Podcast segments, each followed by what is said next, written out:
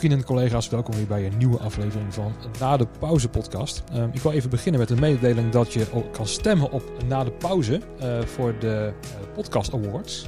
En ehm, dat is voor mij in deze periode als je op kan geven op welke podcast je wil, eh, ja, wil, wil voten. Dus ik zou zeggen, doe het voor mij. Doe even een kleine actie. ga naar podcastawards.nl en geef na de pauze even op. En mijn dank zal zeer groot zijn.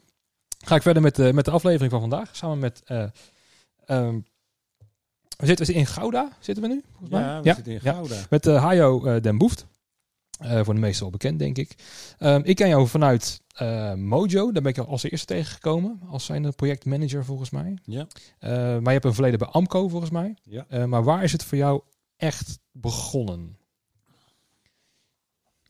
Nou, niet bij Amco. het is echt begonnen een aantal jaren daarvoor. Ik speelde in, heel kort gezegd, ik speelde in een beentje en uh, ik ontdekte redelijk snel dat ik het hele gedoe eromheen, de techniek en zo, eigenlijk ook wel heel interessant en leuk vond. Uh, dus toen heb ik eens iemand aangesproken die daarin werkzaam was. Die, uh, die wel eens uh, of die regelmatig PA'tjes opbouwde bij showtjes waar ik zelf moest spelen. En ja, zo is het begonnen. Uh, bij een bandje was je gitarist, wat bassist. Wat, uh, bassist. Ja. Ik speel sinds jaar en dag, uh, of speelde, want het is alweer een paar jaar geleden dat ik dat echt nog serieus heb gedaan. Maar eh, bas, sinds mijn, ehm, sinds mijn dertiende, een jaar of veertig zo. En punkbandjes natuurlijk in het begin. En ja, vanuit die scene ben ik, ben ik in dat geluid terechtgekomen inderdaad bij iemand die zelf PA'tjes of een PA'tje had gebouwd en, uh, en in kraakpanden en dergelijke. En uh, obscure locaties daarmee stond. Ja, wat was dan dat je zo aantrok in het, uh, ja, achter de schermen techniek, het geluid? Wat was het dan? Was het het, het mixen of was het de techniek zelf? Nou, ik denk het mixen en het, ik moet eerlijk zeggen dat ik niet exact meer weet waarom ik het nou, waarom ik het nou zo, zo interessant vond. Ja, ik denk inderdaad het, uh, het, uh, ja, het hele circus. Dus, uh, want, want heel erg een, echt een idee van audio mixen of zo had ik ook niet toen ik in een bandje of toen ik daar, daar zo'n beetje mee begon. Nee. Dus dat was, het is, een, het is een beetje een sprong in diepe geweest van, goh, ik vind het, het dit lijkt, het lijkt me wel leuk, mag ik een keer mee? nog een keer mee en nog een keer mee en zo, zo groeit dat dan. Ja, en is het op een gegeven moment ook dan professioneel geworden? Of werd het echt gewoon stapje voor stapje dat je eh, iets meer ervaring op kreeg? Je werd wat meer gevraagd door bandjes waar je dan mee moest mixen of zo? Of? Uh, nou, ik kreeg er in het begin zo nu nog wat geld voor. dat was al meer dan, in, dan met het spelen in een bandje. Dat kostte natuurlijk alleen maar geld. Ja. En um, uh, op zeker moment uh, Ik vraag me af wat. Nee, het duurde nog even voordat ik echt door, door, een, uh, door een bandje ben gevraagd. Mijn oudste zus die werkte bij Amco destijds. En, en toen ik een jaar, ik denk dat toen, toen ik een jaar of twee, drie met boksen aan het sjouwen en uh, aan, aan het was en ze nu dan achter de mixer stond ergens, uh, um, heeft zij me eigenlijk voor, voor een klus voor Amco gevraagd. Nou ja, en, en zo is het ook daar begonnen. En dan hebben we het, dat was in 1990, denk ik. Toen nog op de zonnebaan, neem ik aan? Toen nog op de, ja, ze waren net op de zonnebaan. Ze waren net van de van Maasdijkstraat weg. Oké. Dus, uh, en was een relatief kleine club bij Amco destijds?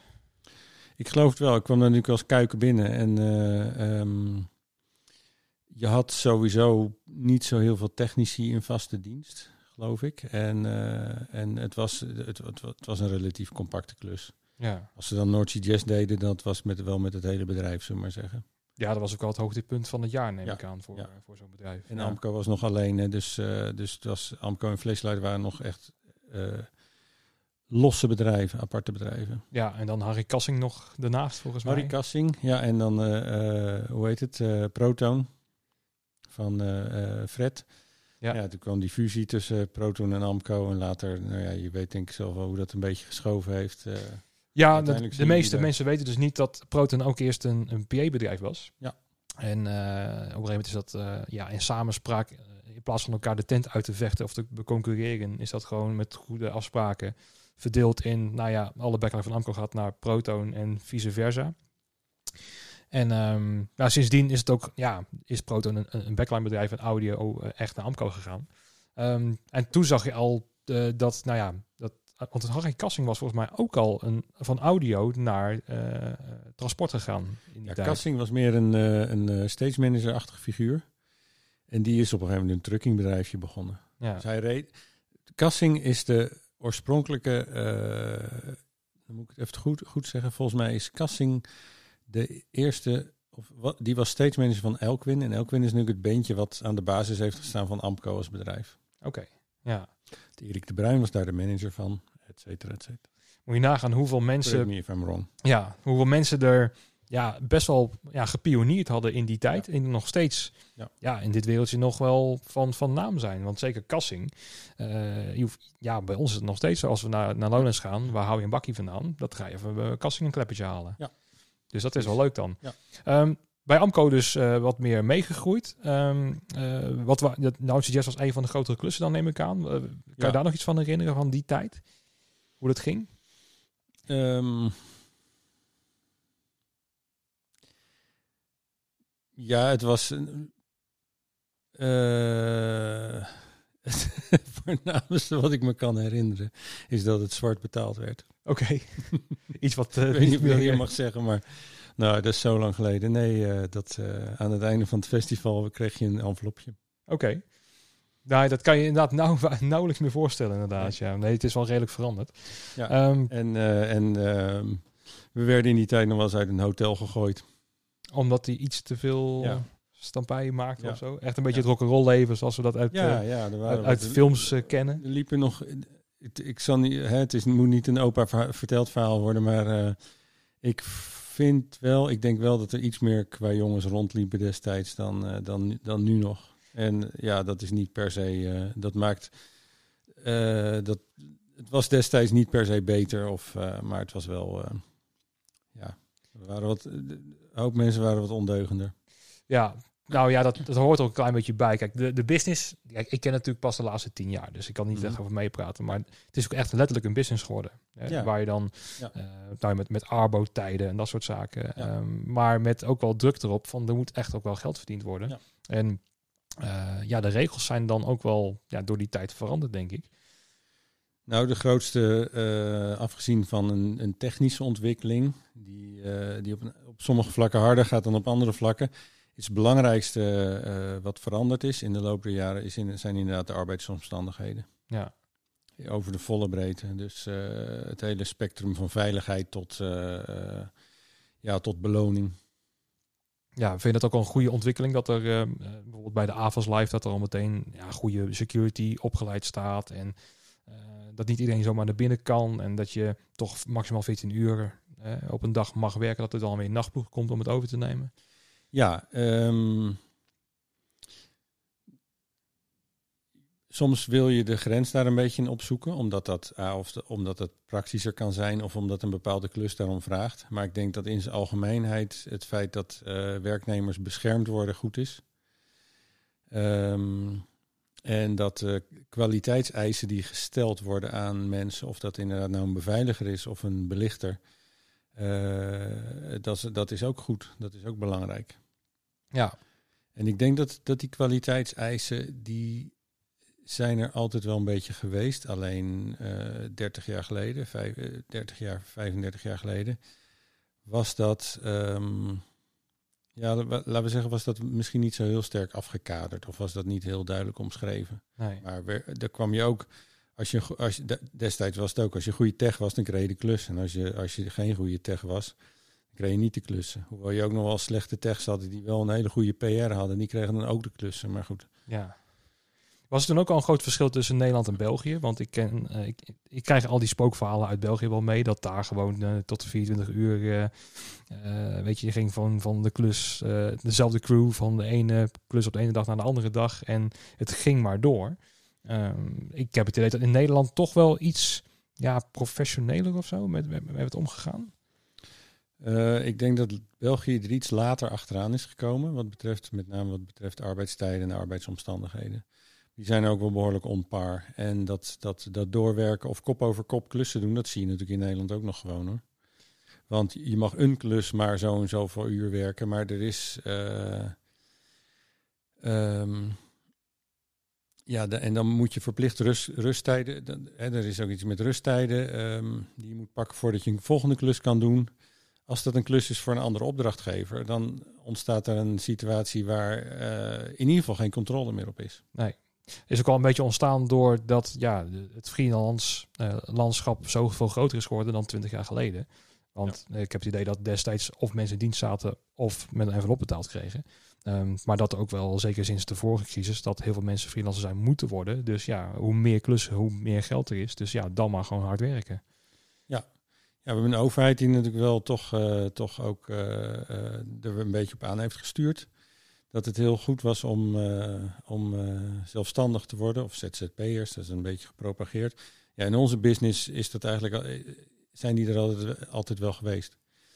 En ehm, het is ook een goede manier eh, om, eh, om geld te verdienen. Het is zowel voor de, ik denk zowel voor de bedrijven als voor de, eh, voor de werknemers. Of als voor de ZZP'ers. Voor, ehm, voor een aantal bedrijven is het eh, seizoenswerk. Of, eh, oftewel, je hebt goede seizoenen en je hebt minder goede seizoenen. Zijn ook de, de grote bedrijven, de Amco's en zo. Nivelleert dat alweer, alweer een beetje. Die, die draaien natuurlijk wel extra, extra goed in de zomer. Maar de rest van het jaar is eigenlijk ook wel oké. Maar er zijn een hoop, eh, hoop eh, eh, technische bedrijven die, die toch wel een beetje van de zomer en het voorjaar van moeten hebben. Misschien van het festivalseizoen. Eh anderzijds er zijn ook bedrijven die, die voornamelijk corporate doen, die, die, waar de- die juist in de zomer weer heel weinig doen. Ja. Ja, en als ZZP'er kun je daar natuurlijk gewoon je voordeel mee doen. Ja, zeker als je goede bent, dan, dan Ja. weet je ook dan wel in te vinden. Ja. En je bent van Amco, ben je daarna naar Mojo gegaan volgens mij? Ja, ik heb, ik heb, eh, nou, dat, ik heb vrij lang bij, eh, bij Amco gezeten. Van- vanaf mijn eerste klus in 1990 tot eh, eigenlijk tot 2009. Ja, inderdaad. Eh, ben niet al die, ik ben op een gegeven moment in vaste dienst gekomen. Jarenlang natuurlijk, net als eh, zoveel, op een nul-uren-contract ge- gewerkt.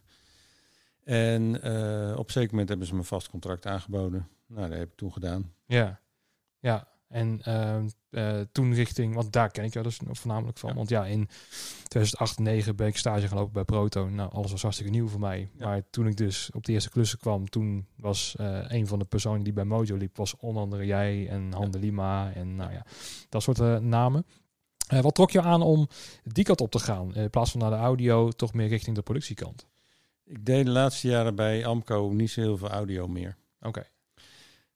Tenminste, niet, niet eh, puur audio. Ik stond niet meer zo heel veel achter een mixer. De laatste jaren, en ik denk dat het wel echt wel de laatste vier, vijf, zes jaar bij Amco waren, was ik, eh, was ik projectmanager. En dat is eigenlijk een, een, ehm, een functie die pas in het begin van deze eeuw heel, eh, ja, heel relevant is geworden met het, laten we zeggen, met het groeien van het, het groeien van het formaat van de klussen.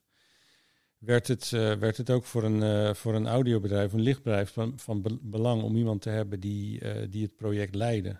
En die niet in de tussentijd ook nog achter, achter een mixer stond of iets dergelijks. En ik was een van de, ik zal niet zeggen een van de allereerste, maar ik was wel een van de eerste die, dat, die dat destijds oppikte. Het is natuurlijk wel, het, de meeste mensen die bij een bedrijf als Amco of Flashlight komen werken, die vinden het leuk om met audio of met licht om te, eh, bezig te zijn. Ja, dat is de basis. Dat is de basis, ja. En ik ontdekte dat ik het op een gegeven moment heel, veel leuker vond om met mensen om te gaan. Ik begon dit veel meer te zien als wat het ook is, de, een people's business. Het draait om de mensen en het draait om, eh, om eh, ehm, hoe, je, ja, hoe je als team, bijvoorbeeld hoe je als team eh, zo goed mogelijk een, eh, een, eh, een klus kan doen.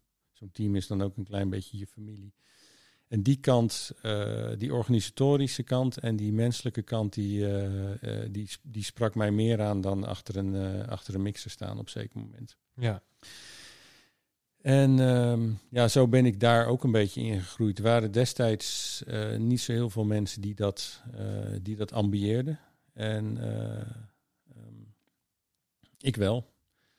Dus je had, ja, de Vries had je natuurlijk bij Amco, die, die als een soort duizendpoot daar, daar jarenlang heeft gezeten, die materiaalplanning en, en, uh, en transportplanning deed. En ook zo nu dan een stukje, of ook, ook, ook crewplanning. Want, uh, en, en dan ook nog mee op klus ging om het allemaal in goede banen te leiden. En van hem moesten er meer komen en ik was er daar een van. Oké, dat, dat, ja. dat, dat deel trok je wel aan, dat, dat, ja. bedrijf, ja. ja. En van daaruit, um, de, gedachte, de gedachte bij Amco was op een gegeven moment, oké, nou, nou, uh, kan ik, uh, nou verkoop ik appels. Maar ik zou eigenlijk wel, uh, ik zou eigenlijk ook wel de hele, de hele groentewinkel willen beheren. Dat is een beetje, nou ja, een beetje een rare vergelijking. Maar dus ik, doe nu alleen maar het stukje audio. Maar wat nou als ik op een productie alles zou doen? Precies. Of alles, uh, alles zou managen of, of hoe je het ook wil noemen. En in die, die periode, uh, um, ik wist wel dat als ik dat zou, als ik zou, dat zou willen, dat, dat Mojo eigenlijk de enige plek was uh, waar het echt interessant zou zijn om dat te doen. Qua omvang en qua, ja, qua level van de, van de klussen. Um, en in die periode, in diezelfde periode werd ik op een gegeven moment gevraagd om te solliciteren. Dus eigenlijk nog voordat ik, het, ik, ik was ik, zelf aan het overwegen om een, laten we zeggen, om een open sollicitatie te doen. Mhm. En, uh, maar toen ben ik gevraagd. Oké. Okay. Ja. Dus daar zagen ze ook al die kant in. En, um... Ja, kennelijk. En um, ik weet wel waar het vandaan komt. Uh, um, ik weet wat de aanleiding is geweest uh, dat, ze, dat ze me hebben gevraagd. En uh, soms, soms berusten dingen ook gewoon een klein, heel klein beetje op toeval. Of op het juiste moment uh, de juiste keuze maken op de juiste plek. Ja. En uh, ja, zodoende. En zo kwam ik bij Mojo terecht. Als, nou ja, daar ben je op de productieafdeling ben je productiemanager of projectmanager, of hoe je het wil noemen. Ja. We heten productiemanager daar. En um, ja, zo is het bij Mojo gestart. Ja. Kijk, Amco Mojo heeft natuurlijk ook een goede relatie met elkaar. Dus je wist ja. al een klein beetje hoe de, ja, de, de wereld bij misschien uh, Mojo eruit ging zien. Omdat je al hè, in AFAS misschien al was vanwege uh, Amco met wat ja. dingetjes. Um, dat is ook wel herkenbaar voor mij, want wij hebben natuurlijk ook heel veel met diezelfde partij te maken. En dan weet je ook een beetje de feeling van zo'n bedrijf of zo. Dat, van hoe ja. dat dan uh, gaat. Hoe, wie de mensen dan zijn en wat, ja, wat, wat, wat er uh, soort van wat je verwacht wordt ook als karakter zijnde. Of ja. Zo. ja, eigenlijk ook nog geen idee. Um, ik kende de productiekant een beetje, omdat ik de mensen kende. Otgar en Marjolein. Uh, Skal van Noordzee Jazz bijvoorbeeld. Via Noordzee Jazz. Um, maar die, de, die hele uh, kant die je, laten we zeggen, vanuit de technische kant niet ziet. Dus de, de, uh, de boekers en de promo en de hele back-office. Ja, dat, dat was natuurlijk nieuw. Ja. En het, ik weet niet of het me verraste, maar ik, ik was wel onder de indruk van de, um, ja, van, van, de, van de structuur bij Mojo. En dat het, ik, ik had niet ik had van tevoren niet helemaal ingeschat dat het zo'n groot bedrijf zou zijn. En um, in de manier dat er heel veel mensen op plekken zaten en zo, dat alle dingetjes wel goed geregeld waren? Nou, Mojo is een. Is, uh, als je kijkt naar. Mojo is natuurlijk een, een, een Live Nation dochter. Als je kijkt naar Live Nation dochters worldwide, zijn de meeste zijn heel veel kleiner. Okay. Live Nation België of Live Nation Duitsland, is, die hebben geen eigen uh, promo-afdeling. Die hebben geen eigen productieafdeling. Dat wordt allemaal geoutsourced naar ZZP'ers of naar, in ieder geval naar buiten toe. Dat is een, uh, daar, zit een, uh, daar zit een promotor met een, met een klein kantoor klussen binnen, die klussen binnen te halen. Of, of shows, te, shows te boeken. Maar al het werk wordt, wordt geoutsourced. En, en, en mooie concerts, Live Nation Nederland.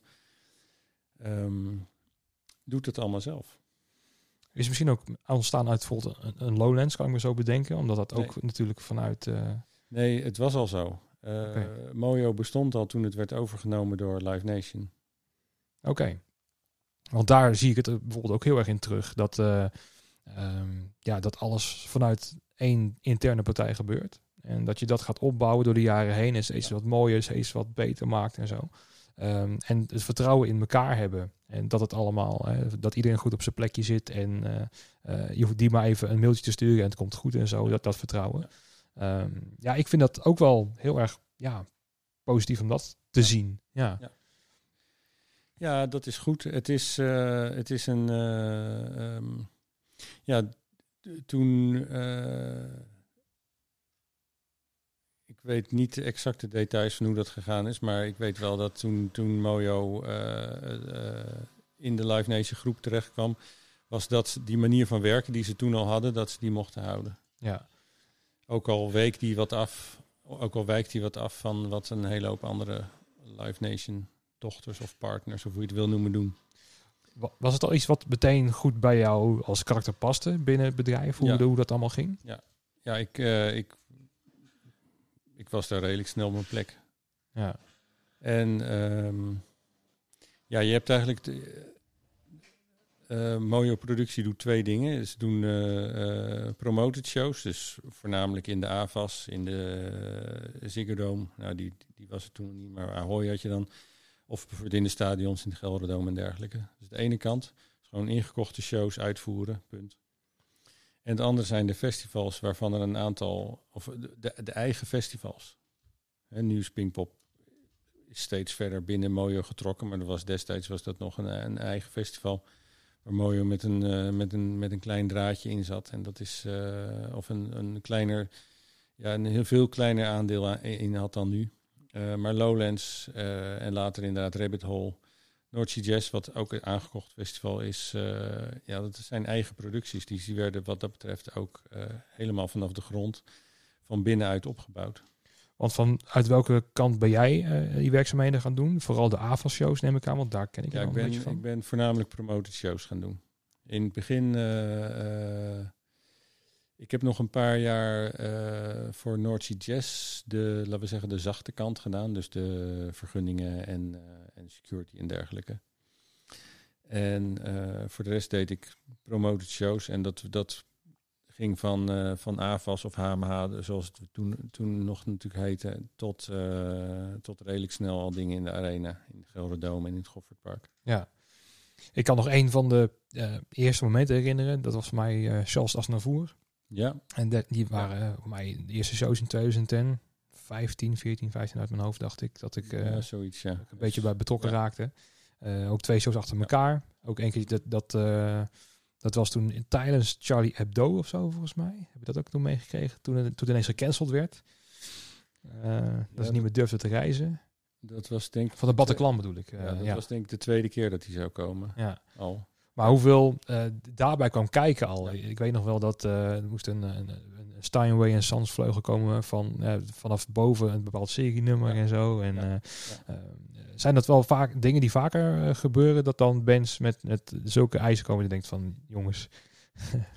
Nou, in dat genre wel, ja. Ja, Het is... eh, ehm, ja, je hebt... de, Asnavour natuurlijk. eh, eh, de late Charles Asnavour.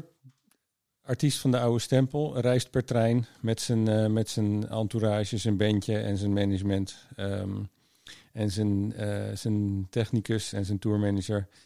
En alles wordt lokaal ingekocht. En dat, dat is een verschil met een bandje wat met vier trailers komt. En een leeg podium en een lege zaal willen. En alles zelf doen. Zo'n Asnavour show- showtje is dan heel erg leuk. Juist omdat je hem helemaal kan sturen en inrichten. En eigenlijk moet je ook nadenken als, als, eh, als productiemanager of als promotor... Dat hoe, eh, hoe dan de publieksbeleving is. En dan weet je van, nou, daar gaan mensen naar Charles Asnavour komen. Die zijn nog nooit in de, in de, in de HMH geweest. Die weten niet wat ze moeten verwachten. Maar die willen eigenlijk niet in een koude pop... Of een koude... Die willen niet in zo'n popzaal terechtkomen. Die moet je ergens het idee geven dat het ook wel een, een soort theaterfeeling heeft. Want je zou misschien Asnavour eerder in, de, in Carré bijvoorbeeld. eh, ja. eh, verwachten. Ja. Waarom staat hij dan in de, in de HMA? Nou ja, simpelweg omdat we die kaartjes gewoon kunnen verkopen. Zo, zo eenvoudig is het ook. Precies. Ja. En die moet je ook verkopen om, dat, om de gage te kunnen, eh, te kunnen betalen. Maar dat betekent dus dat je er eigenlijk voor wil zorgen dat die HMH een soort, soort thea- theateruitstraling eh, eh, krijgt. Ja, dat, dat kan heel simpel. Ehm, door doeken, door tapijt en dergelijke te gebruiken. En wat de artiest betreft, ja, die komt binnen met, een, eh, met niks. De gitarist heeft net een gitaar bij zich. Ehm, en daar houdt het dan een beetje op.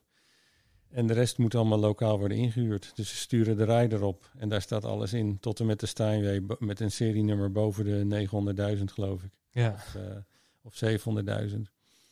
En zorg maar dat het er komt. En sommige dingen zijn eh, eh, non-negotiable. En sommige dingen zijn prima negotiable. Klopt, ja. Ja, ik wist nog wel dat alles moest worden gestemd in de 442. Ja, accordeon. Eh, ook ja, ook om, vanwege dat de vleugel van mij ook een 442 stond, dacht ik. Maar dan moest ik al die keyboards, al die Yamaha motives en zo, moesten we in het menu gaan duiken om het maar goed voor Ja. elkaar te krijgen. Ja. Terwijl je eigenlijk heel simpel kan denken, joh, doe alles gewoon lekker in 440, Ja. stem alles naar beneden. Maar dat is dan, Nee, nee, nee. Het is, het is eh, eh, nou ja, zoals zo vaak eh, als je met hè, ouder, oudere instrumenten werkt of traditionelere instrumenten, zit je vast aan die stemming. Als je een, eh, ehm, als je een, een oude Hammond B3 in je set hebt, zul je daar met de rest in, rekening mee moeten houden. Als je een accordeon hebt of eh, sommige blaasinstrumenten, moet je daarop op aanpassen. En dan kan je, kijk, een popbandje die gaat simpel naar 440. Hoef je nergens op te letten, maar Nee. eh, soms is dat anders. En inderdaad, als er een keuze is om juist wel in 442 te gaan, eh, eh, gaan spelen, dan, eh, dan moet je ook de rest aanpassen. ja, In de klassieke wereld is dat wel een ding, hè? Van, eh, van dat is, er zitten ook soms zelfs trends in van speelt het hele orkest in 440 of in 442 of 438 of 443. Dat is, eh, ja, Ja. Dat, dat verschilt nog wel eens. precies. Ik moest nog heel goed nadenken om al die tuners weer terug te zetten van gitaar en bas. Want zo meteen komen we bij het volgende optreden en dan eh, Ja. staat het klaar, niet. akkoord en Ja. dan eh, Ja. meteen weer vals. Ja. Maar het is heel wat, wat, dan, waar, eh, wat dan belangrijk is, is ook om je, eh, om je, laten we zeggen, je structuur zo op te bouwen dat, eh, dat er rust is en dat iedereen de aandacht krijgt dat die, die ze willen. Vandaar ook, ik huur een, het was best een uitgebreide eh, backline set. Zeker. En eh, ja, ik, heb, ik bestel daar dan ook gewoon twee man bij. Om dat te begeleiden. Simpel om het, weet je, zelfs als je het hebt opgebouwd en het gaat allemaal prima en je hoeft verder niet veel te doen. Ehm, elke, vraag die, elke vraag die gesteld wordt, wil je gelijk kunnen beantwoorden. Ja. En ehm, ja, Ja, en geen gezeur over hebben op locatie of zo. Nee. Dus dit, het, eh, dat het mannetje net even weg is of zo. en over het algemeen is dat altijd eh, money well spent. Ja, ik denk dat daar heel veel mensen eh, of organisatoren best wel ook wat van kunnen leren hoor. Zeker die dan wat op wat een lager niveau zitten van nou, dat komt kom, dat komt wel goed. Ja. Terwijl kennis, zeker op dat soort ja, evenementen, ehm, best wel van belang is. Ja. Want als je eh, inderdaad, stel dat het inderdaad mis zou kunnen gaan of zo. Ja, je hebt dan zoveel shit eh, aan je broek hangen. Terwijl het publiek staat wel om acht uur, eh, die verwacht wel dat de show gewoon Ja. gaat draaien. Ehm, ja, dat wil je gewoon niet hebben. Klopt. En ja, soms is het ook gewoon verwachtingenmanagement. Want ja, het, het, de artiest verwacht dat het goed is. Precies. En die verwachten van. Dan, en daar, daar moet je de juiste inschatting in maken. Dan kan ik zeggen van nou, ik huur een backlijntje en dat zet ik neer en dat bouwen ze zelf op, et cetera. Maar dat is ook een verwachting en die, eh, die klopt dan niet, want de artiest komt binnen en die verwacht in een gespreid bedje te komen. En dat is ook een goed recht.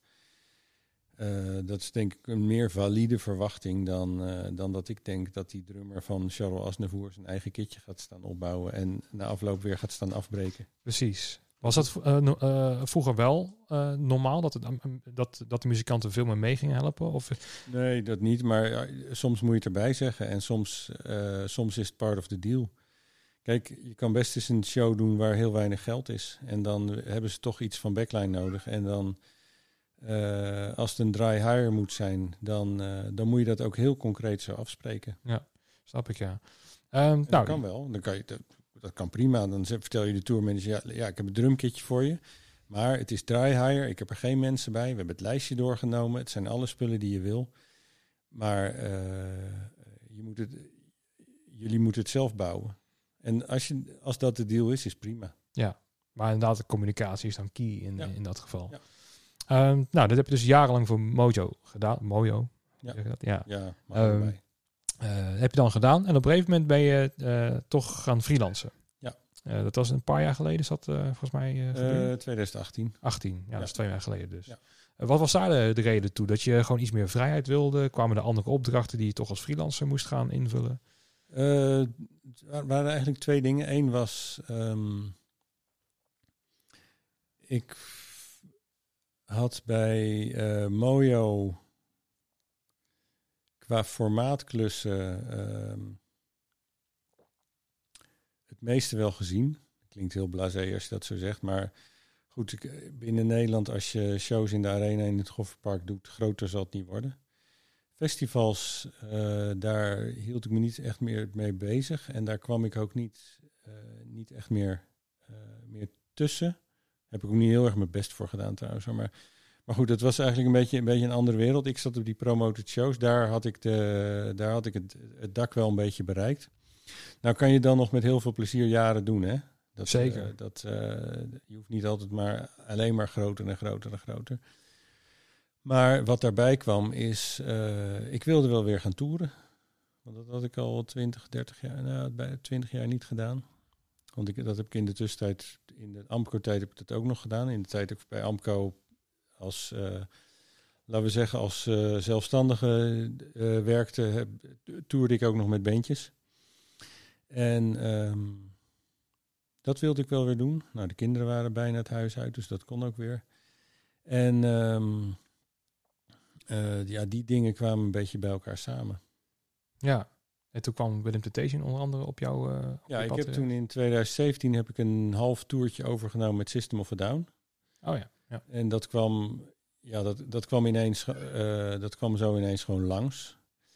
En toen, eh, eh, toen realiseerde ik me dat dat een mooie manier was om, er, om, te, om te ontdekken of ik dat toeren echt weer leuk vond. Of dat het alleen iets wat in mijn hoofd heel erg leuk was, maar in de praktijk niet. Mhm.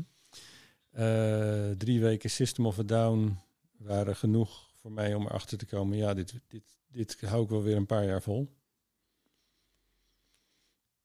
Ehm, maar goed, dat was zomer 2017. En ehm najaar 2018 kwam, of eigenlijk in, in de zomer 2018 kwam Within Temptation een beetje op mijn pad. En dat kwam toen samen met, eh, met dat viel samen met eh, uiteindelijk het moment dat ik de knoop kon en durfde door te hakken om, eh, om bij Mojo te stoppen. Was dat een groot moment eh, voor jou om zo'n beslissing wat te nemen? Ja en nee. Het was, heel, het, het was heel spannend om weer zelfstandig te worden. Gaf ook heel veel energie. Ik had, echt, ik, had daar echt wel een heel goed gevoel over. En eh, nee, omdat het werk gewoon doorliep. En het, het vrij letterlijk. Ik eh, deed op 8 oktober. Nee, ik deed op. Ja, ik, volgens mij 8 oktober 2018 deed ik mijn laatste show voor Mojo. In de Ziggo Dome U2. De laatste, de laatste Zig- U2 in de Ziggo Dome eh, tot op heden. En op 9 oktober om 10 uur s ochtends stond ik op Schiphol om naar Rusland te vliegen met Within Temptation. Dat gaat lekker door dan. Ja. Ja. Ja, dat ging heel lekker door. ja. En dat was het begin van de Europese tour die do- tot de kerst door, eh, eh, doorliep. Het waren drie blokken van drie weken. 32 shows geloof ik of iets dergelijks. Nou ja, daarmee is het begonnen. Ja, ook een mooie uitdaging lijkt mij om dan meteen weer eh, door te gaan. Ja. Ik heb al van eh, Jordi de verhalen gehoord met de drumkits uit, eh, uit Rusland en zo, alles bij Ja. elkaar knopen. En Ja. dat het toch weer niet meteen in een gespreid bedje vallen, ook met, met wat uitdagingen neem ik aan. Ja. Ehm, was dat het ook vooral in het begin dat je dan weer die uitdaging voelde van vroeger? Van oké, we gaan inderdaad het vliegtuig in en we hebben het eh, zo goed mogelijk proberen voor te bereiden en we zien het wel? Eh, gek genoeg niet zo heel erg. Niet, tenminste, niet zoals vroeger van, van eh, we zien het wel. Ehm, ja, in Rusland is het zo nu dan. We zien het wel omdat je in de voorbereiding niet meer informatie krijgt dan, eh, dan zij je geven. En, en soms is dat minder dan je misschien zou willen.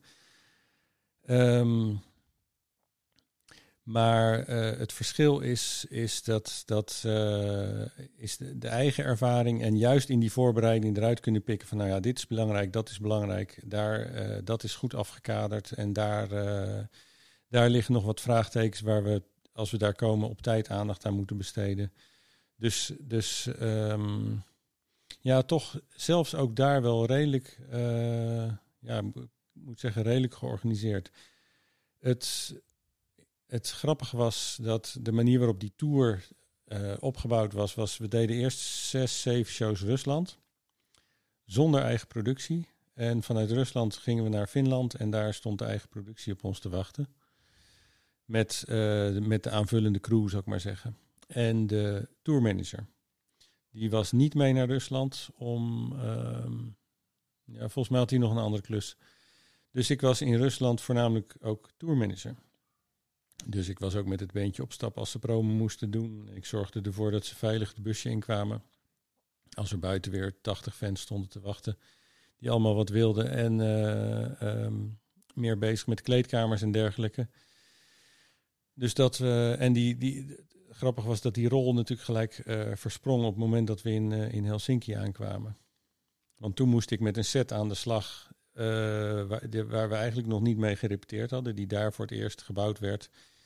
En nou, dat is best een. Dat, was, dat was eigenlijk de. Um, dat was eigenlijk de steep learning curve, zou ik maar zeggen. Rusland was. Uh, omdat het allemaal lokaal is en omdat je weet en je crew er ook op, in, is op ingesteld dat het hier en daar wat misschien niet exact is wat je, wat je besteld had, maar dat je een klein beetje moet improviseren, was het eigenlijk wel weer heel goed te doen. Want stiekem, stiekem hebben ze daar ook wel wat geleerd hoor. Ja, daar zit het ook niet helemaal stil natuurlijk. Nee. nee. nee. Maar was het dan, wat was, het, wat was er dan in Helsinki wat dan ja, zoveel uitdagender was toen je daar kwam? Nou, dat, er een, dat je met een set waarmee je niet, een set waarmee we wel, nee, ik kan het wel zo zeggen, een set waarmee we niet gerepeteerd hadden, s ochtends binnenkwamen en s'avonds een show moesten doen. Dat is wel een, een uitdaging ja, dus. Ja. Een zaal die, over die normaal gesproken niet voor concerten werd gebruikt. Ah, dat is het. En dat, dat was niet het grootste probleem. Het grootste probleem was om het, uh, ja, om het op tijd af te krijgen en de, laten we zeggen, de, de, verrassingen die daar nog in zaten, uh, het hoofd te bieden. En uh, het was een, ook nog een extreem lange dag, want het was ook de eerste load-out met die set. En ongunstig, ik zei net, een, een zaal die niet gewend waar, waar weinig shows werden gedaan. Dus een hele lange push voor je loadout. En dat uh, met, een, met een set waarvan, uh, waarvan we met z'n allen nog niet exact wisten hoe die het beste in de trucks paste. Hij was er wel gekomen mm -hmm. hè, en hij ging er ook wel weer terug, in, terug uit. Maar goed, dat, dat moet je één, twee keer gedaan hebben. En dan, dan, dan weet je pas, of dan, dan heb je pas je, krijg je pas je snelheid erin. Precies, ja. Dus die eerste loadout was echt drie uur of zo, wat met vier trucks natuurlijk belachelijk is, maar goed. Ja. Um, ook de crew was natuurlijk nog niet op elkaar ingespeeld. Nee, er zaten ook wel nieuwe mensen bij? Nou ja, ik had natuurlijk productiecrew erbij. Dus van het, van het verhuurbedrijf en een, uh, een uh, systeemtechnicus die, die nieuw was erin. Dus de crew die, de, zeg maar, de, het kernteam die Rusland hadden gedaan, twee backliners, twee geluidsmensen en een lichtman, werden aangevuld met uh, lichttechs, een, een tourrigger, een, twee audiosysteemmensen. En nog zo wat, nou, tourmanager inderdaad erbij. Dus dat kreeg een heel andere dynamiek. Hoe is het dan om dan met, nou, met die ervaringen in Rusland en Helsinki en ja, misschien ook Zuid-Amerika en, en Noord-Amerika, om dan dat soort Wet Temptation shows ook in Nederland te doen. Want ik ben je ook op, op Appelpop tegengekomen. Ja. Nou, dat is dan een headline show voor ja. zo'n festival. Ja. Ook voor Passpop bijvoorbeeld, eh, waar ik dan ook wat moest leveren. Maar zie, hoe groot zijn die verschillen dan? Binnen Europa zijn de verschillen niet zo heel groot. En valt me. Uiteindelijk. Ja. Het is uh, waar je verschil in ziet. soms is kwaliteit van de crew, van de local crew. Ja, dat is, maar dat kan ook, dat is soms niet eens. Uh, je kunt niet zeggen van in Frankrijk zijn ze minder dan in Nederland. Sterker nog, ik vind de Franse crew die ik heb, waar ik ervaring mee heb, vind ik heel erg goed. Eh, het kan, je kan soms een keer pech hebben. Je kan ook in een, in een ene stad in een land wel een goede crew hebben en in een andere stad niet. Soms weet je niet of het, of het afhankelijk is van het feit dat er misschien nog een andere show is diezelfde avond, waardoor je uh, B-kwaliteit krijgt. Hè? Dat kan ook nog eens een keer. Dus, maar zeker in West-Europa, uh, Oost-Europa of Midden-Europa is het eigenlijk, geef de voorkeur aan om te zeggen, daar zie je nog wel echt, uh, echt kwaliteitsverschillen. Maar in West-Europa is het, is het over het algemeen is het gewoon goed. Ja. En um, ja, als je dan zorgt dat je, uh, dat je eigen spul voor elkaar is en dat je s ochtends met een goed verhaal bent en met de juiste, wat heel belangrijk, dat je gewoon op de juiste manier binnenkomt. Nou, dan is het over, de, over het algemeen heb je, uh, kan je gewoon een goede dag hebben. Ja. Nou, dan heb je een goede start gehad met nou, best wel wat grote projecten, neem ik aan. Ja. En dan voor 2020 zal er misschien ook al behoorlijk wat in de agenda hebben gestaan Ja. voor een aantal shows. Ja. En dan is het maart. En dan is het ineens eh, lockdown, niks en eh, afwachten. Hoe was dat eh, voor jou? Kijk, voor iedereen is het de eerste maanden wel re- redelijk hetzelfde. Je mag niks, je doet niks. Ehm, maar daarna, hoe, hoe, hoe, hoe heb jij dat ervaren? Nou, het was een hele erge koude douche, want we stonden op het punt om de repetitieruimte in te gaan met, eh, met WT. De lichtset was geprept. Die stond bij, eh, die stond bij het verhuurbedrijf klaar om in de vrachtwagen te gaan en naar de repetitieruimte te gaan. Ehm zover waren we. Ik was de laatste details aan het aftikken met de venue om te, om, om te zorgen dat we op tijd, of dat we, dat we naar binnen konden op de goede manier een pre-rig konden doen. Ehm, en ik was uh, al shows aan het advancen voor die tour. Die tour zou in, in april zijn. Die zou in april, begin april starten. 4 april eerste show in Brussel, geloof ik. En uh, dus daar was ik al mee bezig. Ik zat er vol, volop in. En uh, dus dan is het, dan komt het, dan komt het heel koud op je dag, dak. En dat, het kruipt er natuurlijk een beetje in, hè, want helemaal aan het begin van maart uh, begon dat al, uh, kwamen die verhalen al, al los. Dus toen, uh, ja, dan, dan, ga, dan begin je al, uh, dan ontstaat er al een lichte twijfel. Nou, dat wordt steeds sterker. Het feit dat we te maken hadden met een Amerikaanse co-headline band maakt het er ook niet simpeler op. Evanescence volgens mij. Evanescence, ja. Of misschien op een bepaalde manier maakt het er wel simpeler op. Ja, want het, het werd wel een hele snelle korte klap. Um, nou ja, en toen, uh, toen, toen, uh, toen dat uiteindelijk die knoop definitief werd gehakt, en ja, een paar dagen daarvoor weet je het eigenlijk al. Tenminste, ik wist het eigenlijk al van, het gaat niet meer gebeuren. Nou ja, dan, dan ik, ik heb wel vaker een situatie gehad dat ik onder de pet moest houden dat een bepaalde beslissing eigenlijk al genomen was, maar nog niet naar buiten mocht. Dat was nu ook, dat was een dag of twee dagen. En, en weet je, alle ingewijden die weten het eigenlijk wel al. En uh, ik geloof dat we 14 maart officieel naar buiten hebben gebracht dat die tour gecanceld zou worden. En we zouden 17 maart gaan riggen of 18 maart. Nou ja, zo, zo close zaten we erop. Ja, en dan is er niks. En dan, um, ik moet eerlijk zeggen dat de eerste dagen of de eerste twee weken, drie weken soort van prettig waren. Omdat ik in één keer vanuit die stress, en het was, behoorlijk, het was een behoorlijke stressvolle voorbereiding, uh, door, doordat een co-headline tour altijd stressvol is. Zo simpel is het. Um, het is heel moeilijk, het is bijna niet te doen om, om uh, gelijkwaardige belangen van twee, uh, twee grote bands in één productie te proppen. Of ze moeten elkaar wel heel erg aardig vinden of heel goed kennen. Nou, mm -hmm. dat, was niet, dat is niet het geval in dit geval. Um, dus dat ontstressen, dat ging me redelijk goed af. En uh, uh, daarna kon ik ook redelijk mijn weg vinden en mijn bezigheidjes doen. Ja, en op een zeker moment raak je het perspectief, raak, raakte ik het perspectief kwijt. Nou, en daar zijn we eigenlijk nog steeds. Ja, want het, het houdt nu op met losse klusjes hier en daar en uh, hopen dat er wat binnenstroomt. Ik heb afgelopen weekend mijn eerste klusje sinds maart gedaan. Echt de eerste? Ja, en het is eind augustus. Dus uh, ja, ik heb in de tussentijd uh, geen, niet gewerkt.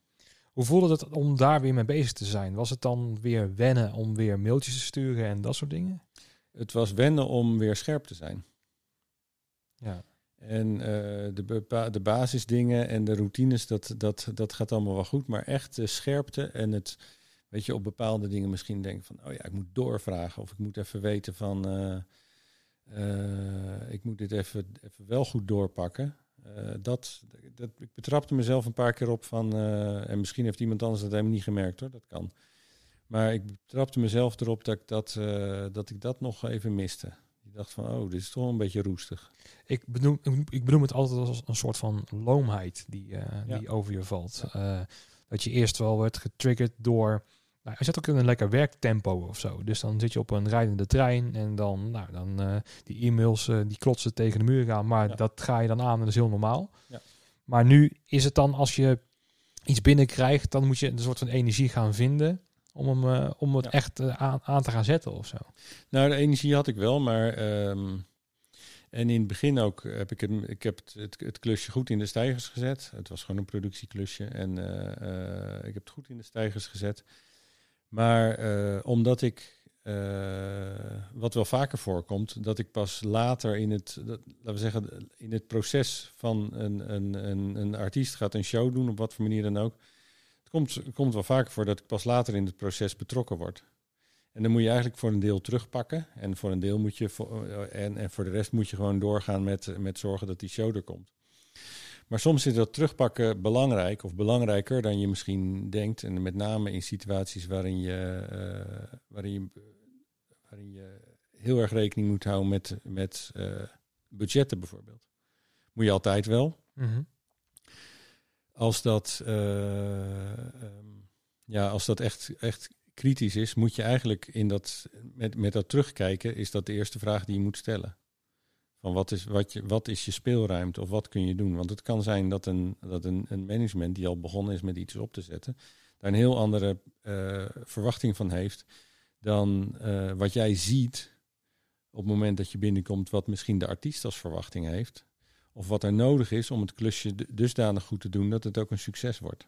Ja, merkt je al meteen verschillen, omdat je met budgetten uh, net over had, verschillen met alle partijen? Of is het nog wel uh, redelijk hetzelfde zoals je mensen kende? Of zijn mensen toch bij partijen iets meer in paniek? Of zijn die heel erg blij juist? Of, mensen zijn heel blij van iedereen die, die, die, die, die werk kan doen of die werk krijgt, is, vindt het fijn dat hij dat hij iets kan doen. Dat is een beetje ja. het gevoel wat ik krijg. Nou ja, ik was ook blij dat ik van jou een e-mailtje kreeg inderdaad, voor, uh, voor, een, voor een drumkitje. Ja, precies. En, uh, niet kleine niet eert. Precies, ja. En toen kwam ineens de vraag voor een ventilator. Nou, die hadden ja. we ook nog wel. Ja. Um, en dat ja, zijn dan... moet onthouden, want dat zijn hele goede ventilators. Ja, nou, gelukkig. Ja. we, hebben wel, we hebben wel op zich wel redelijk spullen. Ja, Nee, maar ook, voor ons was het ook een beetje omdenken. Omdat normaal gesproken, ja, op zondagochtend leveren om tien uur s ochtends in Amstelveen en dan uh, maandagavond ophalen. Ja. ja, normaal gesproken is dat vrijdag uh, leveren bij de zaal en op dinsdag uh, ergens ophalen. Ja. maar omdat nu ook alles anders is, de zalen zijn dicht, gaan voor die productie alleen maar open en de volgende dag zijn ze niet meer. is het dan ook wel aanpassen en daarin meegaan of zo, ja. meedenken en daar kan je ook niet de hoofdprijs voor vragen, maar toch, je bent toch weer bezig, je bent er wel weer bij. En Klopt. dat is ook een, een soort van nieuwe balans die je gaat vinden of zo.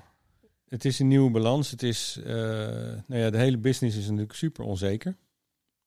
En um, iedereen speculeert ook een beetje op van hoe gaat het er straks uitzien. Nou, dat is heel interessant, maar ik denk dat we ook een beetje moeten kijken naar hoe het er nu uitziet. En dat betekent inderdaad wat jij zegt van als je het, uh, uh, als je het klusje krijgt. Nou, ten eerste is, de, is dat prettig, is het fijn om sowieso weer wat werk te hebben. Uh, of, of om, om uh, soms alleen maar ook, hè, hoe lullig dat ook misschien klinkt, maar uh, om te weten dat andere mensen, andere mensen weten dat jij nog bestaat. Ja, je bent niet vergeten. Nee, nee. je bent niet vergeten en, en er, wordt, er wordt niet alleen aan je gedacht, maar er wordt ook nog bij je besteld of je wordt ook nog gevraagd om een klus te doen. Um, ja, en, en, uh, en organisatorisch is het inderdaad iets anders. Nou was het in het verleden natuurlijk ook wel zo dat ik aan jullie vroeg van... nou, je moet het drumkitje wel na de show opkomen halen... want de volgende dag uh, beginnen ze om zeven uur met uh, het sportgala erin te douwen... en dan kun je niet meer terecht. nu was het eigenlijk, we hebben het er niet eens over gehad. Het was eigenlijk vrij vanzelfsprekend van zondagochtend moet er zijn... En eh, maandagavond halen we het weer op. Als jij had gezegd van nou, kun je kijken of ik het dinsdagochtend bij eh, de Schouwburg op kan halen, had ik het ook voor je uitgezocht. Ja.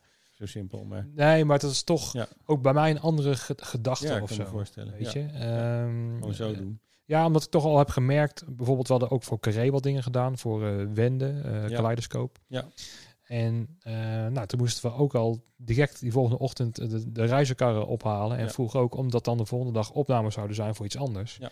Nou, toen kwamen we aan, toen waren er helemaal geen opnames, want die gecanceld waren. Ja, dus ja, ook dat gaat door. Ehm, en normaal gesproken zouden we inderdaad nooit om, eh, om tien uur, half elf 's ochtends bij Carré staan. Maar Nee. toch maar wel gedaan. Ja. En eh, omdat er ook een soort, wat je net al zei, een soort van ja, eh, blijheid bij je zit. Dat je er toch wel weer bij bent of Ja. zo. Ja. En dat je niet vergeten bent. En dat je toch onder, onderdeel bent weer van een productie. Hè, en wij zijn dan vaak gewoon de leverancier zonder crew en dat soort gelegenheden. Maar je bent er toch wel weer blij mee. En ook van mijn en- enthousiasme, eh, dan ben, denk ik van nou, dat ga ik gewoon doen. Dan ben ik gewoon een maandagavond, maar eh, eh, ja, in, in Den Haag in dit geval. Ja. En ja, het was heel lang geleden dat ik weer één uur s'nachts thuis was van een productie. en om dat, om dat gevoel ook, ja. een keertje mee te maken, was ook alweer heel erg ja, prettig of zo. Om weer ergens moe van te zijn. Ja. Maar op de positieve manier dan. ja. Hè? Ja. Ehm, Maar dat speculeren van de toekomst is natuurlijk eh, iets wat, wat iedereen wel bezighoudt. Ehm zijn er daar bij jou wat gedachten over of spinsels in je hoofd van nou, ik voel een beetje dat het die kant op zal gaan? Of eh, is het allemaal echt eh, koffiedik kijken? Uiteindelijk ehm, gaat, het, gaat de business zich weer herstellen. Maar goed, de, de- de grote, het belangrijkste woord in deze zin is het woord uiteindelijk. Want we weten niet wanneer. En dat, ehm, ja, daar kan ik van alles over roepen. En het is allemaal waar en het is allemaal niet waar. Maar ehm, dat is de lange termijn. Ja, En dan zijn er bedrijven die nog bestaan. En dan zijn er bedrijven die niet meer bestaan. En dan zijn er freelancers die nog steeds in het vak zitten. En dan zitten- zijn er freelancers die ondertussen wat anders zijn gaan doen. En daar helemaal happy in zijn en niet meer terugkomen. Eh, maar eh, op de een of andere manier gaat het, wel, eh, gaat het zich wel herstellen. Gaat het wel over, overleven. Daar ben ik van overtuigd. We gaan op zeker moment weer met 60.000 mensen op een weiland staan. ja, ja, misschien met mondkapjes op of hoe dan ook. Maar dat, Misschien met mondkapjes op. maar iets dergelijks gaat op zeker moment weer plaatsvinden. hoe is het dan om nu naar een project te werken zoals bijvoorbeeld Eurosonic, waar je dan ook al een paar jaar mee bezig bent? En om met die onzekerheid nu te werken. Want het lijkt me verdomde lastig om. eh, je hebt dan een jarenplan, denk ik, hè, vanuit een organisatie. Ja. Om dingen uit te bouwen en Ja. eh, net iets mooier te maken. En nou, je hebt je weg gevonden. En ehm, nou, gelukkig gebeurde het, is in maart dit jaar en niet in januari. Waardoor hè, de, eh, van dit jaar de editie gewoon door is kunnen gaan. Ja. Maar dan is het toch vrij onzeker hoe het eruit gaat zien in januari. Want je kan gewoon harde afspraken niet gaan maken. Ehm, is dat dan, eh, ja, hoe, hoe gaat dat, eh, hoe, hoe voelt dat voor jou? Want het lijkt me dan wel lastig om ja, je weg daarin te gaan vinden. Want ja, iedereen, denk ik, in een organisatie denkt, we weten het niet. Maar ja, je moet toch ergens naartoe werken. Ehm, dat klopt. We weten het niet. Eh, maar we gaan ervan uit dat we, een, dat we een festival gaan doen en een conference gaan doen. Alleen hoe, dat is van zoveel, eh, daar, daar, daar hangen nog zoveel variabelen boven, dat het dat nog nauwelijks te zeggen is. Wanneer dat wel te zeggen is, dat is natuurlijk het grootste, dat is misschien nog wel de, de belangrijkste variabele, is van wanneer, wanneer kun je daar een eh, knoop over hakken. Ja. En eh, om de, op de, sommige, sommige, voor, voor sommige redenen wil je dat zo vroeg mogelijk doen, maar voor sommige redenen wil je dat zo laat mogelijk doen. Wat, en wat is dan uiteindelijk straks het, of wat is straks, ja, dat kan je wel zeggen, ook al komt het akelig dichtbij. Wat is nou straks het juiste moment? Ehm, ook dat is lastig te zeggen. Jij, eh, het belangrijkste nu is dat we eh, zicht op moeten krijgen wat de overheid ervan vindt.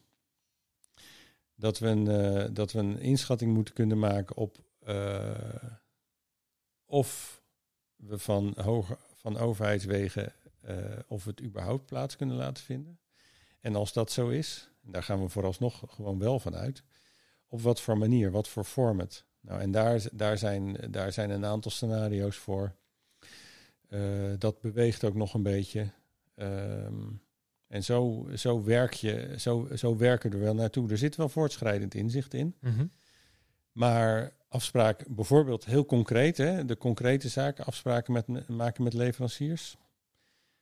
I- Toen we, in, eh, toen we in mei erover spraken, gingen we ervan uit dat we ergens eh, in september dat wel zou, zouden kunnen doen Ja. om mee te beginnen. Nou, dat is niet aan de orde. Dat is echt niet meer aan de orde. Afspraken maken met leveranciers. Nou, ik denk dat je naar november moet kijken. ja, want ik denk dat in mei was ook al sprake dat het in september wel weer zou gaan draaien. Bij, laten we zeggen, de meer positief ingestelde mens die had dan wel die verwachting, ja. Ja, precies. En dan, ehm, kijk, leveranciers, daar denk ik nog wel over. Daar kom je nog wel uit, ook last minute, denk ik wel. Alleen, denk ik ook. Hoe, hoe zit het dan met een, een, een, een gemeente Groningen? Want het is ook al een uithangbord voor, voor de stad. Ja. Maar ze lopen ook weer met het risico. Stel dat bij ons een brand of een, een, een haard gaat worden. Ja. Eh, dat willen wij niet op ons eh, als gemeente eh, op ons eh, geweten hebben. Nee. Ehm, dat lijkt me ook een moeilijke balans. Want uiteindelijk ehm, eh, gaat de gemeente wel bepalen voor jou of jij een vergunning gaat krijgen, ja of nee. Ja. Ehm, eh, zijn daar wel, ja, is daar goed mee te overleggen? Of eh, willen die ook wel meewerken? Want ja, eh, Ja. Het, het is natuurlijk ook weer een, een, stel dat dit wel weer een succesvolle editie gaat worden, dan kan het misschien ook weer een soort van pilot zijn voor de rest van het festivalseizoen misschien. Ja, ik denk dat zo zal een gemeente en ook een veiligheidsregio er niet naar kijken. Eh, die zullen wel naar kijken, heel, laten we zeggen, heel afgekaderd. Kunnen we, kan, heel bazaal kan het evenement zo worden eh, georganiseerd dat het veilig is en binnen de, laten we zeggen, binnen de, eh, de gezondheidsnormen die we nu met z'n allen hebben afgesproken. Ja. En of het dan, eh, of het dan een, als voorbeeld kan dienen voor, voor andere zaken, dat zie ik, ik moet eerlijk zeggen, dat zie ik met, ook met andere, eh, ehm, met andere gelegenheden in, de, in, de, in het beleid nog niet heel erg terug. Eh, wat dat betreft is men natuurlijk nog steeds eh, behoorlijk zoekende. Ja, je kan naar de sportwereld kijken, bijvoorbeeld van wat, doen we met, wat gaan we met het voetballen doen. Ja, met Waar publiek. weer heel, heel ehm, mondjesmaat weer wat, wat publiek wordt toegelaten. Maar de ervaringen daarmee worden vervolgens niet eh, geëxtrapoleerd, zou ik maar zeggen, naar, naar andere situaties. Nou ja, het, het buitenfestivalseizoen is nu wel, nu wel zo'n beetje klaar. Dus de, de, de streep eronder, dat, of zo'n beetje klaar, dat was al klaar. Maar dat, Ja, eh, het kan niet meer georganiseerd worden. nee, het, eh, Ook al zou je willen. ook Ja. al zou je willen, het, het, het, het, eh, het seizoen, het feitelijke seizoen is al voorbij. Het wordt al, het wordt al wat, wat koeler, et cetera, et cetera. Nou ja, je zou, je zou in september nog een, de laatste buitenfestivalletjes zijn over het algemeen in september nog. Maar goed, dat is, dat is allemaal niet relevant, dat is allemaal niet aan de orde. Er zit, staat al een streep onder. Iets als ESNS, eh, of je dat is, is wel weer zo eigen dat je dat, kun je dat vertalen naar een andere situatie nauwelijks. Je kunt wel zeggen van als je in die, de zalen waarin je het uiteindelijk kunt en mag organiseren, eh, eh, laten we zeggen, een goed format voor een show, show hebt gevonden, voor zover dat niet al gedaan is, hè, Ehm, dan kun je daar misschien wel mee voort. Maar dat zal niet heel veel afwijken van, van wat er bijvoorbeeld al gebeurt. Kijk, een, een zaal Simplon, die heeft al ja, die hebben al een, een, een format waarin ze showtjes kunnen doen. Maar dat is, zo, dat is zo marginaal. Niemand gaat daar geld verdienen. Nee. Eh, dat, is een andere, dat is natuurlijk een andere overweging die bij een, een festival als EN ESNS geldt. Van, ja, wat, wat, ehm, wat, wat betekent het financieel als we het op zo'n zo'n manier kunnen organiseren? Maar het lijkt me ook dat de, de kern van het festival is dus eh, ja, jong, nieuw talent eh, laten presenteren voor festivaldirecteuren. Ja. Hè, waar het in de kern in feite Ja. een beetje om draait. Ja, als er geen, hè, de, ook voor de festivaldirecteur is het onzeker. Wat mag ik boeken? Gaat het door? In welke vorm gaat het door? Ehm, eh, kan ik überhaupt wel naar Nederland vliegen? Misschien is er een hotel beschikbaar. Ehm, Ja. eh, hoe, hoe gaat dat? Ik bedoel, de kern van het festival waar het om draait is ook al, ja, niet op losse schroeven, maar is ook al, ja, zoeken naar misschien wel een nieuwe vorm. Of zie ik dat verkeerd? Ehm, nou, ik denk dat het, laten we zeggen, de, de, de logistieke vragen ondertussen zijn we, zijn we in Europa wel, zo, wel al zo, laten we zeggen, zo vertrouwd in de nieuwe situatie dat, uh, dat ik denk toch wel redelijk wat mensen daar hun weg in kunnen vinden als ze dat willen. dus dus dat, er, dat er een hotel geboekt kan worden en dat er een vlucht geboekt kan worden, uh, dat, dat weten we wel. Dat weten, ook die, dat weten ook die agenten en die promotors en die festivalpromotors wel of het voor hun zin heeft om naar Groningen te komen en of ze het budget hebben uh, om dat ook te doen. Dat is dan even een tweede. En, en ik denk wel dat er een. Ik denk echt dat heel veel, heel veel festivalorganisatoren in Europa nu uh, de verwachting hebben. En sowieso natuurlijk, eh, dat, dat is een no-brainer, maar de sterke wens hebben dat er in 2021 in de zomer weer festivals gaan gebeuren. Daar zullen ze dus ook uh, op voor willen sorteren. Misschien ook wel op voor moeten sorteren. Uh, dus dat is een argument om naar Groningen te komen. Uh, een, andere, een ander sterk, sterke argument om te komen is, wat het altijd is, is het netwerken. ESNS is een netwerkfestival. Ja. een hele, hele belangrijke functie van het hele feestje. Die, rond die conference um, maar ook rond het bandjes kijken op Eurosonic. Er zijn, uh, er zijn conferencegasten die, die nooit één panel zien, die alleen maar aan het netwerken zijn. Um, super belangrijk is, die, is dat, dat is het nog steeds. Het is misschien, hè, er zijn mensen die zeggen van het is dat het eens te meer, of misschien nog wel meer een argument is om naar Groningen te komen om te kunnen netwerken. Juist om dat contact ja. dan te hebben. Uh, of mensen het uiteindelijk gaan durven en of mensen er uiteindelijk het geld voor uh, aan willen uitgeven. Ja, dat is, nog, dat, is ook nog, dat is ook nog een variabele waar we mee te maken hebben. Ja. Hetzelfde geldt voor sprekers. Hè. Je krijgt wel te maken met mensen die zeggen van nou ik durf het niet aan om te komen. Of die, die, die uh, hè, je, je zult een goed plan moeten presenteren om, om ook aan de, pro, aan de programmakant soms mensen over de streep te trekken. En, die, en bandjes, Europese bandjes, als die een showcase festival kunnen doen. Ik denk dat er voldoende bandjes te vinden zijn die best uh, daarvoor naar Groningen willen komen. Ja, die het, ja, het risico tussen aanhalingstekens willen hè, nemen om het wel te gaan doen. Ja, ja, ja. tussen aanhalingstekens inderdaad. Ja.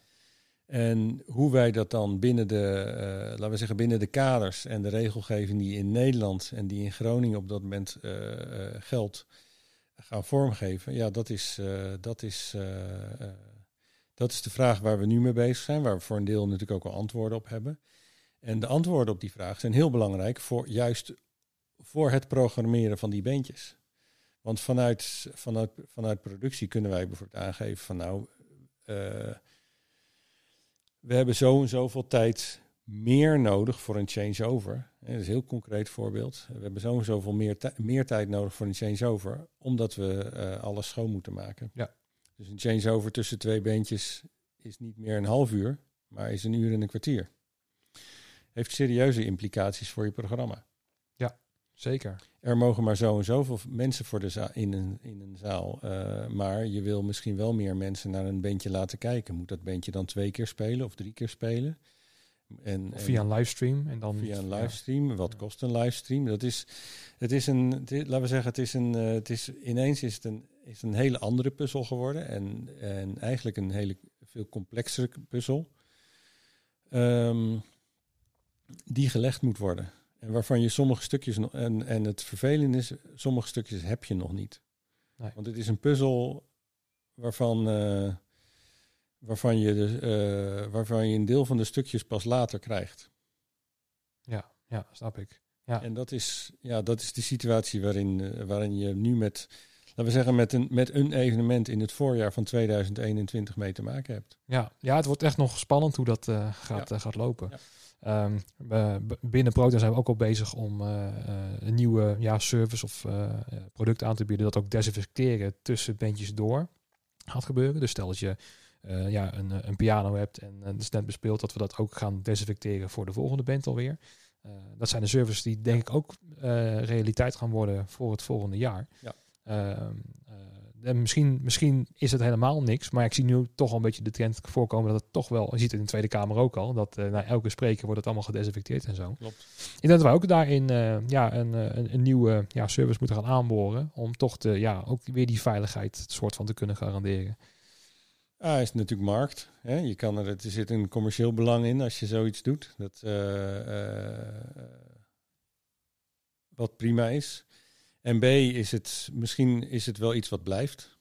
Misschien wel. En het is niet verkeerd en, sowieso om je. Het is, het is zeker voor de korte en de middellange termijn is het prima om daar op die manier over na te denken. Om dat, om dat in het verhaal mee te nemen. Ja. Want er is menig, inderdaad, menig uh, organisator die misschien daar dan mee, of die zegt van oh, dan heb ik wel een vrijwilliger met een doekie. Uh, ja, maar misschien heb je wel tien vrijwilligers met doekjes nodig. Want het zijn wel heel veel stoelen en tafels en ik weet niet wat allemaal wat je nog schoon moet maken. Ja. Um, ja. En kan de, de, de, dat is voor mij uh, voornamelijk het ding, kan de, de, de, kunnen de materialen er tegen. Ja. Want je kan wel overal desinfecteren spul overheen gooien, maar stel dat het apparaat er niet meer werkt. Ja. Hè? En uh, de stagehand uh, die zit toch eventjes in de ampeg in, het, uh, in de inputs te spuiten. Van ja, dat, nee, dat trekt nee, hij nee. niet. Nee, en, en inderdaad, ja, wat moet je allemaal desinfecteren? En ja. Of ga je zeggen van elk beentje een andere backline? Ja. ja dat, is, die, dat zijn wel al, die, dat zijn de vragen die gesteld worden. Ja. Nou, we, gaan, we gaan het uitvinden, uh, Hajo, ja. hoe het zich gaat. Uh. Um, er zijn natuurlijk verschillende onderzoeken geweest over besmetting via contact. Uh, via, laten we zeggen, uh, contactoppervlakken. Deurklinken en dergelijke. Nou ja, weet ik veel, mengtafels, ampegs. Um, recent heb ik daar niet zo heel veel meer over gezien of gelezen. Um, maar goed, het is wel, het wordt nog steeds wel als, laten we zeggen, als, als factor gezien. Precies. Ja, ik denk ook dat het, uh, dat het steeds meer afneemt. Want ook uh, groepsimmuniteit hoor je ook niks meer over. Nou ja, inderdaad, contactdingen. Ja. Um, dus ik denk dat dat ook wel een beetje gaat vervagen op een gegeven moment. Um, maar ja, als je nog steeds bij winkels uh, desinfecterend spul ziet en zo, en dat mensen ja. nog heel erg daarmee bezig zijn. Ja. Ik denk wel dat het erbij gaat horen voor de komende tijd. Ja, dat, dat, dat, dat blijft voorlopig wel. En, uh, en uh, misschien, misschien dat mondkapjes. Ja, dat is. Het, het land natuurlijk hier niet echt. Het grappige is dat, dat als je naar, een, uh, naar China of naar Japan kijkt, waar mensen het ophebben van een mondkapje veel meer for granted hebben. Het is dan wel met een andere reden. Het is smok en dergelijke. Maar het is, ook zelfbescherming, feitelijk. Uh, het is niet zozeer bescherming van anderen, wat, wat, wat hier een belangrijke functie van, van, van het mondkapje is. Uh, maar het is daar echt zelfbescherming, want er is zoveel smok, dit wil je allemaal niet inademen. Maar de, laten we zeggen, de bereidheid om dat ding op te doen en, en gek genoeg, of, of de, daaraan, uh, daar tegenover de weerstand die er hier is om zo'n bij, bij sommige mensen om, om zo'n ding om te, op te moeten doen. Ja, dat is wel, uh, dat is wel een opvallend verschil. Ja, dus ook al. Ja. Is dat met, met cultuur te maken heeft of zo? Ook die eigen wijsheid misschien? Of we uh, moeten echt ook ja, aantonen dat, dat het zin heeft? Is. Ik, ik, weet niet of als, hier die, zo'n, als er hier zoveel smok zou zijn, dat dat, uh, wat misschien op sommige plekken in West-Europa wel zo is, dat het zin, zinvol zou zijn om zo'n ding op te hebben. Ja, ja. Het, misschien is wel, is, zit er wel een stuk cultuur ook in. Maar um, als je hier zou zeggen van nou, we laten, we laten de anderhalve maat, meter maatregel los, maar dan moet, wel, uh, dan moet je wel uh, overal, overal binnen moet je een mondkapje op. Ja. Ik weet niet wat mensen dan... dan ik heb geen idee, maar het maakt het organiseren wel weer makkelijker.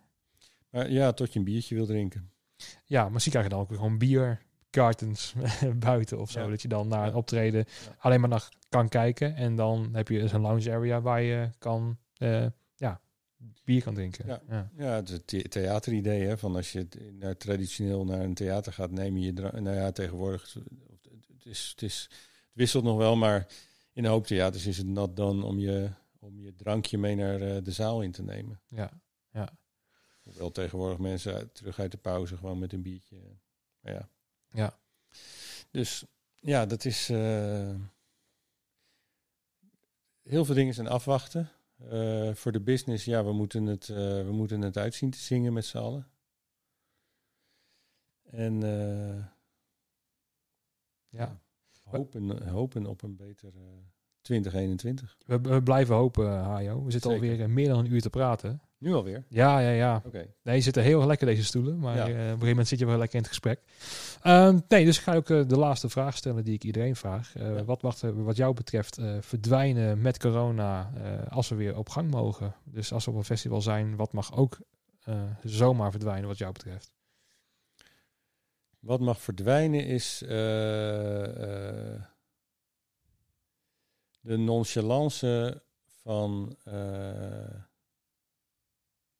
voornamelijk bezoekers om eh, gewoon maar hun zooi overal neer te flikkeren. Oké, want heb je daar persoonlijk eh, veel irritatie over of mee te maken? Nou, irritatie. Ik, ik, ik verbaas me altijd hoe, een fest, hoe in, in Nederland of in, in het Westen bij ons een festivalterrein eruit ziet als het publiek vertrokken is.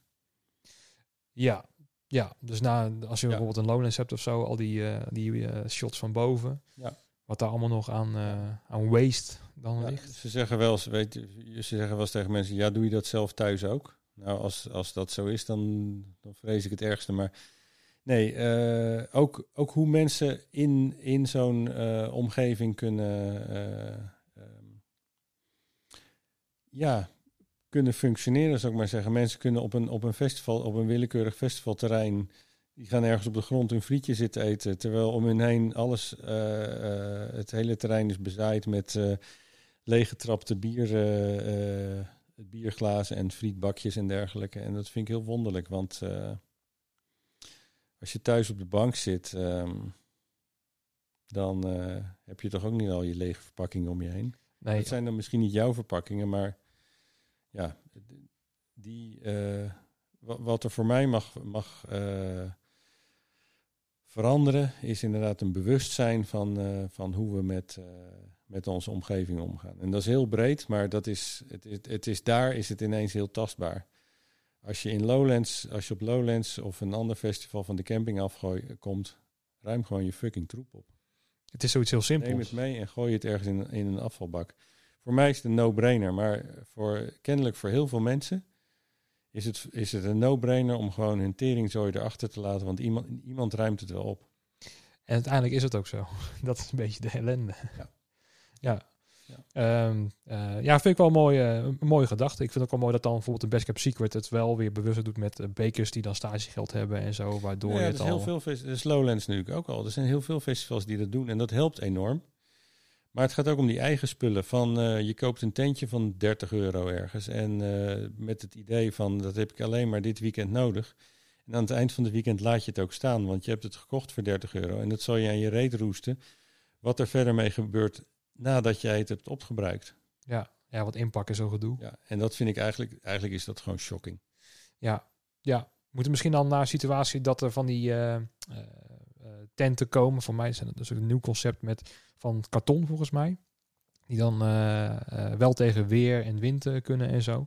Maar die dan makkelijker weg kan gooien. Dat het gewoon papier is. Nou, er zit, er zit natuurlijk een opdracht bij, eh, bij fabrikanten en dergelijke om, eh, om ehm, meer sustainable te produceren. Dat is één. Maar dat, eh, dat laat niet, eh, dat, dat maakt nog steeds niet dat je dan, als jij een tentje hebt wat eh, door de natuur kan worden afgebroken, betekent nog steeds niet dat je het maar moet laten liggen. Nee, nee het is echt een, een- ja, een, een mindset, kan je het zo zeggen? een mindset. Ja, Ja. ja. Ik ben in, eh, hè, opa vertelt, maar ik ben in, eh, in een aantal keren in, in Singapore op festivals geweest. En dat, zijn, dat was dan niet met camping. Maar aan, het einde van het, aan het einde van de dag op het festivalterrein pakt iedereen zijn picknickkleedje en zijn spulletjes in, inclusief afval. Neemt, doet dat weer terug in zijn tassen en gaat inclusief afval gaat het terrein af. En de schoonmaakploeg doet een hele snelle sweep. Die zijn in drie kwartier klaar. Alleen nog maar de laatste restjes oppikken en that's it. En nou krijg je in Singapore een boete als je je kauwgom op straat laat vallen. Dat weet ik wel. Dat is een heel andere cultuur. Maar ehm, de mindset om gewoon... En ik heb het op de andere plekken ook gezien. Hè, dat, dat bijvoorbeeld op het strand mensen gewoon al hun spullen meenemen. En niet... Want het is niet alleen festivalterrein. Ga ze, ga ze in de zomer op Scheveningen om, om zeven uur s'avonds kijken. Lust ook de honden geen brood van. Ehm, maar inderdaad, die mindset om, eh, om ehm, laten we zeggen, zorgvuldig met je omgeving om te geven. Ik, ik heb Ja. het niet eens over natuur. Hè? Ik heb het niet eens over, over, eh, Groen of zo. over groen. Ik heb het puur over je, je eigen omgeving. Ja, ja. Ja, misschien eh, dat we toch in te weinig studentenhuizen komen waar het ook een teringbende is, waar ze dan vandaan komen. En dat, of dat wij wel goed zijn opge- opgevoed. Maar eh, Ja, ik weet het niet. nee. Ja, Nou, ik vind het wel een, een, een, een mooi idee om wel Ja. naar een, ja, een nettere, nettere werkomgeving te gaan, inderdaad. Ja. Nou ja, dat is het ook van, van, van in, laten we zeggen, aan de werkkant. Eh, als, ik, als ik een show, eh, als ik een show advance als productiemanager of als, als sideco, ik ben vorig jaar met Muse natuurlijk als sideco eh, een paar weken weg geweest.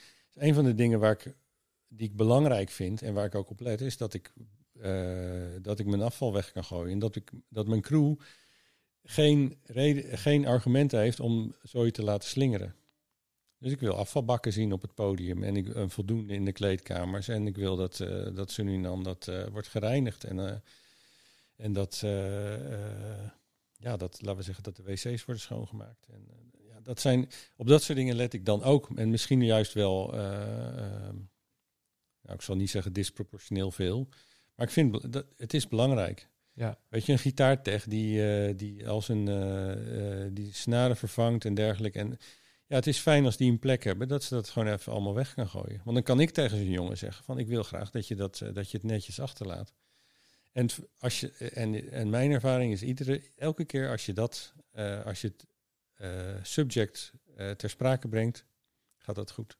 ja, het is ook gewoon een soort van gewenning. Als ik tegen Jordi zeg van, eh, van eh, als hij al zijn vel heeft vervangen, ik hoef het tegen hem niet eens meer te zeggen van, kun je zorgen dat, je, dat, dat, eh, dat het goed terechtkomt, dan doet hij dat. Ja, Of andersom, als hij zoiets heeft van, nou, ik heb een stapel dozen en vellen en eh, ik kan nergens kwijt, dan help ik hem daarbij. ja, dan komt hij naar je toe om te vragen of het... waar Zo het simpel is het. Ja. En daar is, dat is helemaal niet omdat we nou, eh, omdat ik nou daar mensen in loop op te voeden of zo, maar simpelweg door, door de tools te bieden en aan, men- van mensen te, aan mensen te vragen om ze te gebruiken.